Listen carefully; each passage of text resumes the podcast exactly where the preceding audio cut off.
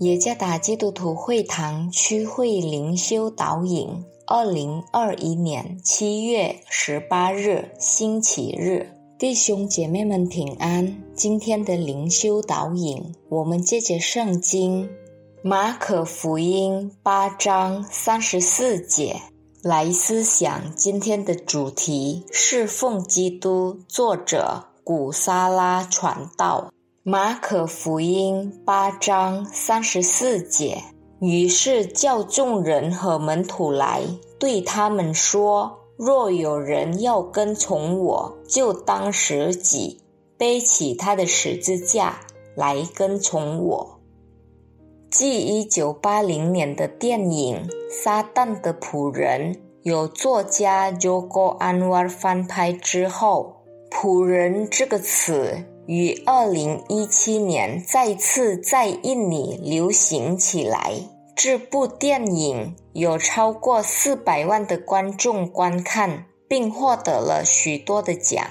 这部电影讲的是一个母亲卷入邪教并全身投入其中的故事。这是不仅在她火的时候有影响，但直到她去世后还有影响。受到不良影响的不只是他，还有他的整个家人。在印尼大词典中，“仆人”是指终生侍奉主人的仆人、奴仆或已被赎回的奴隶。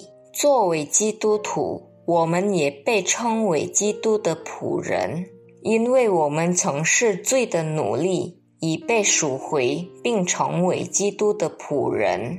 使徒保罗在罗马书六章十七节、二十二节中说：“因为你们从前虽然做罪的奴仆，现今却从心里顺服了所传给你们道理的模范。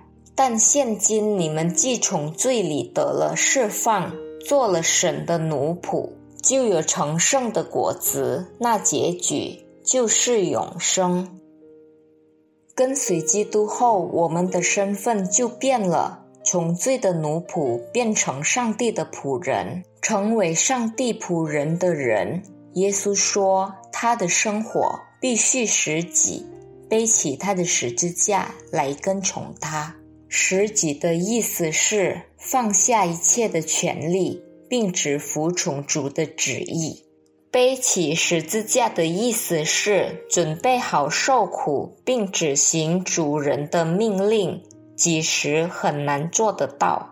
当我们准备好做这两件事时，我们就准备好跟随耶稣了。侍奉确实要有承诺和牺牲，这不仅是个愿望。问题是在我们的日常生活中。我们对基督的侍奉到什么程度了呢？